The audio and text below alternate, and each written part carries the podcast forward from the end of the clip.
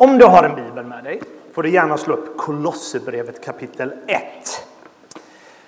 För igår när jag fick veta att Jakob eh, var sjuk så funderade jag på hmm, vad ska jag prata om eh, hur, hur kickar man igång 2022 för Centro, för Centrokyrkan? Eh, och vad jag landade i är någonting som låter väldigt enkelt men det är det mest centrala av allt. Att vilja fästa våra ögon på Jesus. Det var en väldigt lämplig sång vi sjöng innan. Eh, så det jag vill göra idag är egentligen bara prata om Jesus.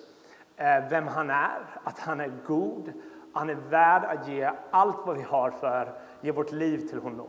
Eh, och det ska få karaktärisera 2022 och resten av våra liv. Så, så jag, jag vill prata om Jesus som jag hoppas vi pratar om varje vecka. Men jag vill bara extra mycket bara måla Jesus för oss. Och att han är värd att förtrösta. Så jag vill läsa från Kolosserbrevet 1, vers 14. Eller vers 13 kan vi läsa från. Eh, där, där Paulus på något sätt har en Kristushymn, brukar man kalla det. Nästan som en liksom prisning, lovsång till Jesus. Och där skriver han så här. Han, alltså Jesus, har frälst oss från mörkrets välde och fört oss in i sin älskade Sons rike. I honom är vi friköpta och har fått förlåtelse för våra synder. Han är den osynlige Gudens avbild, förstfödd före allt skapat. Ty i honom skapades allt i himlen och på jorden, det synliga och osynliga, tronförstar och herradömen, makter och väldigheter. Allt är skapat genom honom och till honom. Han är till före allting och allt består genom honom. Han är huvudet för sin kropp, församlingen. Han är begynnelsen, den förstfödde från de döda för att han i allt skulle vara den främste. Ty Gud beslöt att låta hela fullheten bo i honom och genom honom försona allt med sig sedan han skapat frid i kraft av blodet på hans kors. Frid genom honom på jorden och i himlen. Och eh, en vanlig fråga som människor skulle nog kunna ställa sig om vi går runt här i vår stad är eh, hur kan denna personen Jesus för 2000 år sedan vara relevant eh, i den här världen? Hade han kunnat förstå hur man gör datorer och allt? Vad för relevans har han? Så i vår värld så, så, försöker folk ständigt hitta olika typer av teorier, olika sätt att förhålla sig till hur den här världen håller ihop. Hur man finner mening, varför vi är här, vad finns det för syfte? Och Kolosserbrevet som vi precis har läst ger svaret på den stora frågan som människan har. Den säger att endast Jesus, endast personen Jesus kan få allt i den här världen att hänga ihop. Hela världen hålls samman till och med genom personen Jesus. Här står det så stora saker att han den här kriminella, eller han var inte kriminell, han som dömdes som kriminell för 2000 år sedan eh, som en förrädare i romarriket, att han är egentligen jordens skapare eh, och skapelsen har honom som sitt mål, säger till och med Kolosserbrevet. Så vad innebär det? Kolosserbrevet 1 målar en av de mest vackra visioner av vad Gud gör i världen. Det står att i Jesus har Gud börjat återupprätta och försona hela världen. Ja, det betyder att om du tror på Jesus Kristus så är din framtid otroligt ljus för världen tillhör honom. Framtiden tillhör honom. Vad än vi må brottas med i våra liv, om vi har Jesus så är vår framtid otroligt ljus och inget kan ta ifrån oss det. Och jag förstår att vi idag här kan komma med lite olika typer av bakgrunder, funderingar, brottningskamper. En del av oss så känns livet som att det rullar på, som det alltid gör. För andra så kanske man brottas med ängsle, eh, eh, man är ängslig, man känner oro, rädsla. Världen är förvirrande just nu. Hur kommer livet att bli? Det kanske har hänt saker i livet där man inte riktigt vet hur saker och ting kommer att bli. Och det jag vill bara förmedla är vilken tröst och vilket hopp det finns i personen Jesus på riktigt. Att Jesus säger till oss idag, som han sa då, kom till mig alla ni som är tyngda av bördor, jag ska skänka er vila. Den vilan var ett löfte, inte bara för hans lärjungar för 2000 år sedan, det är ett löfte till dig och mig idag och vi kan ta del av det idag. Vi kan ta del av det idag. Och därför är den viktigaste frågan en människa kan ställa sig, absolut viktigaste frågan en människa kan ställa sig, är hur förhåller vi oss till personen Jesus? Hur förhåller vi oss till Jesus? Vem är han för oss? Och I Nya testamentet får man höra berättelse efter berättelse av människor som får känna Jesus. Och allt förändras. Ta till exempel Paulus som skrev texten vi har läst. Som en gång var en förföljare av kyrkan. Han hade liksom ett strålande religiöst CV. På många sätt hade han liksom vad världen hade att erbjuda. Eh, och han var del och förföljde kristna, för han trodde att de vände sig mot Gud. Men chockerande nog, när han red mot Damaskus så fick han möta Jesus på riktigt. Han fick drabbas av Jesus på riktigt. Och allt förändrades. Absolut allt förändrades. Ehm, och vad man får se när man läser Paulus brev är en person som inte kan släppa hur ljuvlig och god Jesus är. Trots att han börjar bli förföljd, trots att han får möta massa skit så hör man hur han gläds av att han har funnit livet själv. Han har funnit någonting som är större än livet själv. Eh, I Filipperbrevet 1.21 så säger han att leva är Kristus. Hela hans liv har formats av denna personen. Och I Filipperbrevet 3 så, så, så, räknar Paulus upp sitt, sitt gamla liv. Han var liksom född från den rätta familjen, han var del av det rätta politiska programmet. Han hade liksom alla de här coola kriterierna. Men så säger han så här om vad det där var i jämförelse med vad han fick när han träffade Jesus. Ja, jag räknar Filipperbrevet 3, vers 8. Ja, jag räknar allt som förlust Därför jag har funnit det som är långt mer värt, kunskapen om Kristus Jesus, min Herre. För hans skull har jag förlorat allt och räknar det som avskräde för att jag ska få vinna Kristus och bli funnen i honom. Inte med en egen rättfärdighet som kommer av lagen utan med den som kommer genom tro på Kristus. Rättfärdighet från Gud genom tron. Då känner jag Kristus och kraften från hans uppståndelse. När Paulus skriver det här så har han varit kristen i över 30 år. Snubben känner Jesus bättre än de flesta, men han vill bara ha mer. Han har mött denna Jesus och det är det största och det mest vackra som finns. Och, och, när man läser en sån här text så, så används sådana fina teologiska termer, rättfärdighet, lag och, och, allt sånt där. Och det kan kännas som att han bara yrar med massa grejer. Men det här är djupt personligt för honom. Alla ord betyder någonting, för Jesus har förändrat allt. För kristendomens hjärta, dess hörnsten, dess juvel är inte en idé, inte ett system, inte en sak. Det är en person. Jesus. Allt handlar om Jesus. Jesus är inte bara en springpojke som ger oss något. Eh, det är inte evangeliet. Evangeliet är att Jesus ger sig själv till oss. Och, jag vill bara slå på den här spiken, för jag vet att Guds bild är så avgörande för allt vad vi gör i våra liv. Guds bild påverkar vår självbild. Om vi, hur vi tänker på Gud kommer vi tänka på oss på ett visst sätt. Eh, vi det kan förklara en dålig gudsbild leder ofta till en dålig självbild.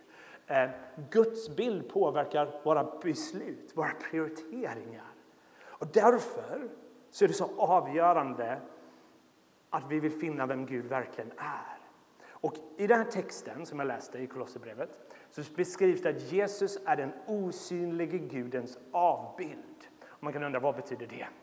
Det betyder att Gud, Jesus, fysiskt, konkret visar fullt ut vem Gud är. För han själv är Gud. Han själv är Gud. Om vi har undrat hur, hurdan Gud är, hans hjärta, hans karaktär, då måste vi se på Jesus. När vi läser evangelierna och ser hur Jesus känner barmhärtighet mot, eh, mot dem som alla andra föraktar, så ser vi Guds barmhärtighet. Det här är hur Gud agerar. Gud är 100% Kristus lik, för han är Gud själv. Och det är därför vi, vi måste påminna oss som kristna om och om igen vem Gud verkligen är. Att han är otroligt god. Bibelns berättelse berättade om och om igen att, att skapelsen eh, som Gud har skapat och gett all potential, denna skapelsen vänder sig i uppror mot Gud och vill själv bli Gud. Eh, och Guds respons är att bli en av oss och dö för oss.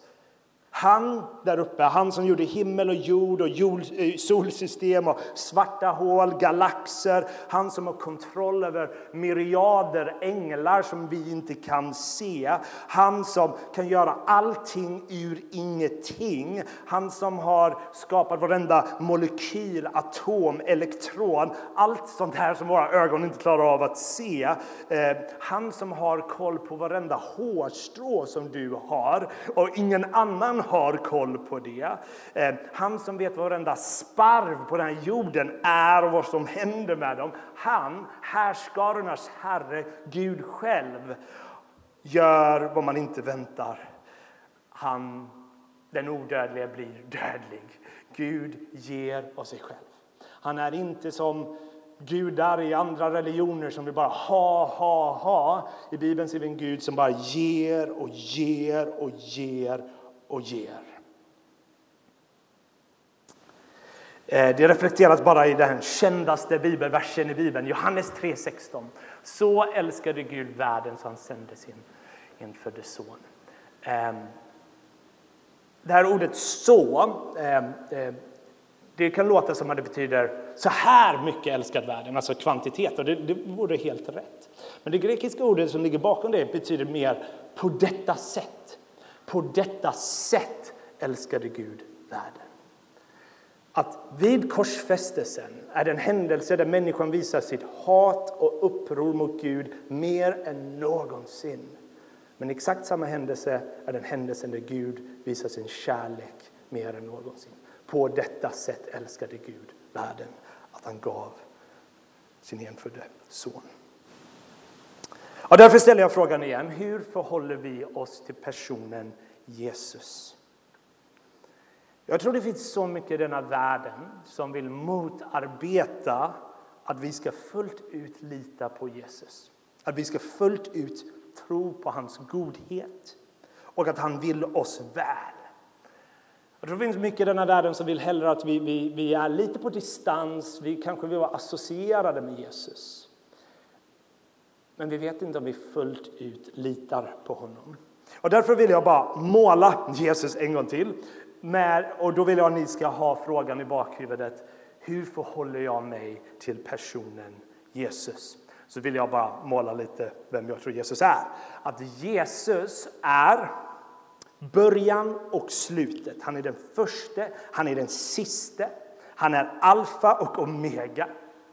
Om vi hade föreställt oss universums bredd med alla möjliga liksom, galaxer, solsystem och allt som finns så är det nästan hisnande när vi försöker fundera på hur stort allt det här är. Men det är ingenting jämförelse med Guds kärlek. Det är inte ens en prick i jämförelse med Guds kärlek. Hans kärlek, hans nåd och hans visdom är outtömlig. Den tar aldrig slut. I all evighet kommer vi kunna lära känna Jesus och upptäcka någonting nytt. Evigheten kommer aldrig vara tråkig, för denna guden är oändlig och det finns alltid något nytt och fascinerande att upptäcka med denna guden. För Jesus är livets bröd, han är världens ljus, han är judarnas konung, han är världens härskare, han är den gode heden, han är vägen, han är sanningen, han är livet, han är uppståndelsen, han är världens hopp, han är ditt enda hopp, han är mitt enda hopp, han är vårt enda hopp. Han är den här kyrkans enda hopp. Den här kyrkan är byggd på endast personen Jesus. Och det finns ingen fläck på denna Jesus. Det finns ingen mörker, ingen gråzon. Han är genomgod, genomgod och rättfärdig. Det finns inget att, att, liksom mörker eller gråzon som kan döljas. Allt med denna Jesus är vacker. Han är värme själv, han är ljus. Jesus är kungarnas konung, han är herrarnas herre, han är majestätisk. Alla kungariken och alla kungar tillsammans kan inte jämföra sig med Kristi herradöme.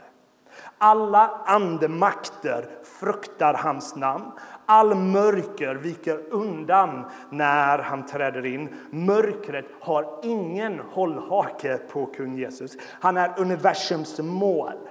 Det är genom honom som allt blev till och det är till honom som allt blev till.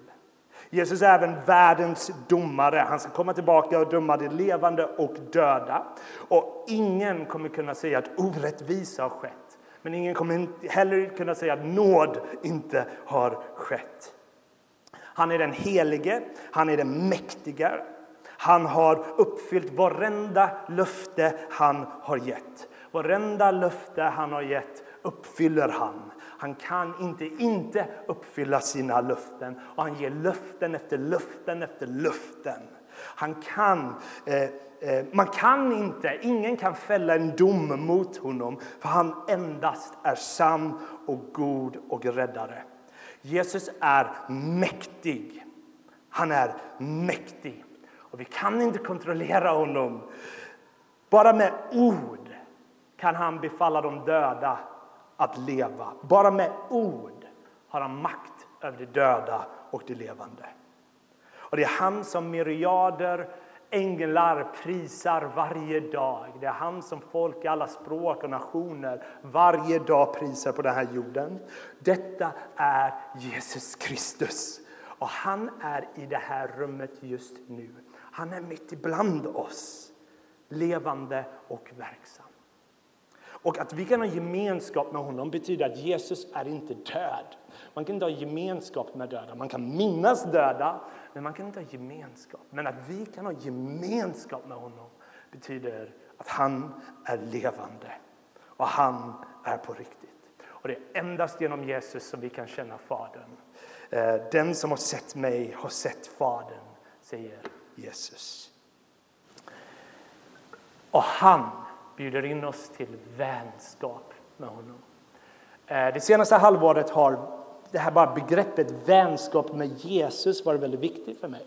Eh, förr i tiden, och jag predikade väldigt mycket om, och jag predikar fortfarande om, att, att det finns en tendens ibland i kyrkor att, att man presenterar Jesus som, som liksom vår life coach, vår vän, men inte vår Herre. Så jag vill alltid betona Jesus är vår Herre. Visst, han är vår vän, men han är också vår Herre.